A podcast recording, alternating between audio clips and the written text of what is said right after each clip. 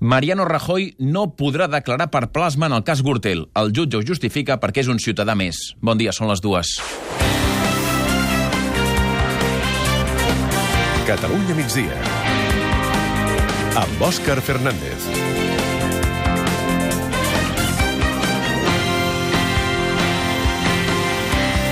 El president del govern espanyol haurà d'anar a declarar el dia 26 de juliol en persona a l'Audiència Nacional a Madrid. El jutge que porta el cas Gürtel ha desestimat els arguments que havia presentat el Partit Popular per intentar evitar que Rajoy hagués d'anar-hi en persona. Volia compareixer a través del plasma. El jutge compara el cas de Rajoy amb el d'Artur Mas quan va haver de declarar per l'encerclament del Parlament. Té tots els detalls d'aquesta interlocutòria l'Albert Calatrava a Madrid. Albert, bon dia. Bon dia. El Tribunal subratlla que Rajoy no compareixerà en qualitat de president del govern espanyol, sinó que testificarà com un ciutadà més. Els magistrats desmunten els arguments de Rajoy, que sol·licitava la videoconferència. Li recorden que l'edifici de l'Audiència Nacional és només a 18 quilòmetres de Madrid i que és un dels edificis més segurs d'Espanya, més segur que molts dels actes públics o de partit que Rajoy fa, per exemple, en campanya electoral. Encara des de Madrid ens arriba informació sobre el polèmic fiscal anticorrupció, Manuel Moix. Segons publica avui Infolibre, té el 25% d'una societat a Panamà que va heretar del seu pare. Moix hauria heretat aquesta societat, que té com a únic actiu una casa familiar a Collado Villalba, a Madrid. Els grups de l'oposició s'han posat les mans al cap i el ministre de Justícia, Rafael Català, una mica s'ha tret les peces de sobre. Yo no tengo ninguna información de, de las eh, cuestiones patrimoniales o tributarias de ningún miembro de la carrera fiscal, por lo tanto no sé si, si son ciertas, qué características tienen, no puedo valorar lo que no conozco. I encara parlant de la interrelació que hi ha sovint eh, entre la política i la justícia en el cas del Pau, del Palau. Avui hem continuat sentint el fiscal, acabant el seu informe final. Sánchez Ullet ha dit que la manera de funcionar del Palau, sota Millet i Montull, denota un esquema mental que entenia com la mateixa cosa el govern de la Generalitat i Convergència Democràtica de Catalunya. Anem a la ciutat de la justícia. Maria Núria Rebella, bon dia. Hola, bon dia. Un esquema dit, una forma de pensar i el Palau com el mitjà a través del qual els diners de Ferrovial arribaven al partit. Sentim-lo. Y que el Palau aquí era la cañería por la que transitaba el dinero que Ferrovial quería hacer llegar a la formación política. I atenció a aquesta dada que parla del que passa a moltes famílies catalanes quan arriben les vacances escolars. Carlos Baraibar, bon dia. Bon dia. Mig milió de nens de tot Espanya, d'entre 6 i 13 anys, es passen les tardes sols a casa perquè les seves famílies no poden ni estar amb ells ni tampoc pagar casals, cangurs o activitats per ells. La majoria de famílies afectades no poden accedir a beques i ajudes perquè no són prou pobres, però tampoc tenen prou recursos per pagar les activitats. La situació porta casos com aquest que explica una educadora social. Muchas de estas familias nos comentan, ostras, Lara, a veces me saldría a cuento no trabajar y dedicar mi tiempo a mis hijos, ¿no? Y, y a veces por dentro piensas, pues no les falta razón.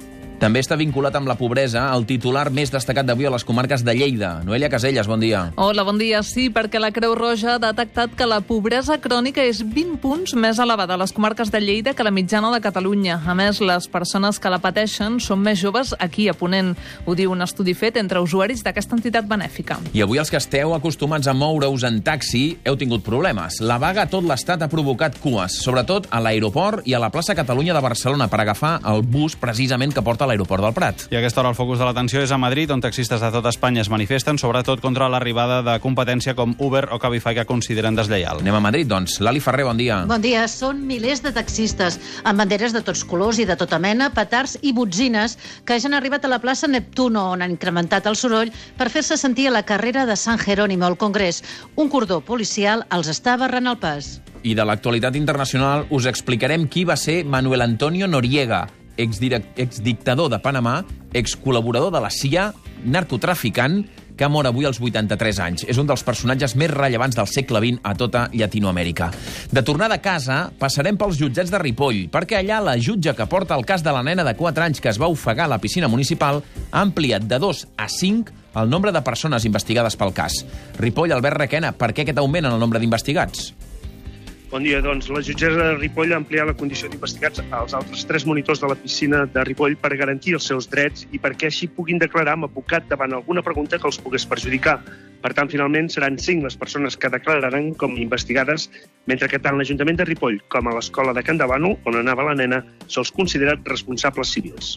I de la cultura avui us parlem d'un nou espectacle al Teatre Romea a Barcelona que reuneix Shakespeare i Cervantes parlant de l'amor i el desamor. Sí, és l'espectacle Amors i Humors que s'estrenarà demà i que compta amb música antiga en directe. Els actors Abel Folk i Pep Plana són els creadors i directors de l'espectacle. Sentim Folk. Tots dos són autors feministes, tots dos són antiracistes, tots dos són anticlassistes recalcitrants i amb una immensa modernitat. Crec que haurien sigut grans amics. De l'actualitat del territori hem passat per Girona i per Lleida, que és el més destacat avui a Barcelona, Quim Balaguer. Doncs que una de cada quatre noies de 18 anys de Barcelona té la percepció que ha estat assetjada sexualment. Ho recull una enquesta sobre salut que ha fet l'Ajuntament a 4.000 adolescents, que també revela que els joves d'aquesta edat fuen menys tabac, però consumeixen més cànnabis. I acabem el repàs a Tarragona, Ricard Buigas. Ciutadans qualifica de molt greus les presumptes irregularitats que han portat a la Fiscalia per l'ús fraudulent de la targeta de la gerència de l'empresa municipal de transport de Tarragona. L'empresa, la presidenta de l'EMT, diu que tots els pagaments estan justificats i convoca el Consell d'Administració d'Urgència per donar explicacions.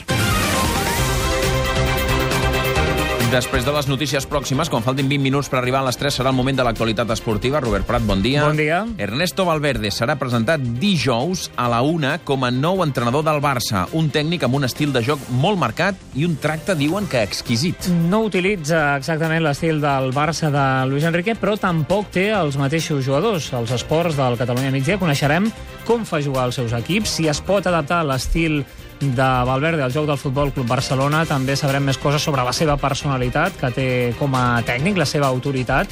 Parlarem amb exjugadors i també les seves rutines de funcionament a l'Atlètic Club i si les podrà aplicar al Futbol Club Barcelona. Quan faltin 20 minuts per les 3, els esports al Catalunya Migdia.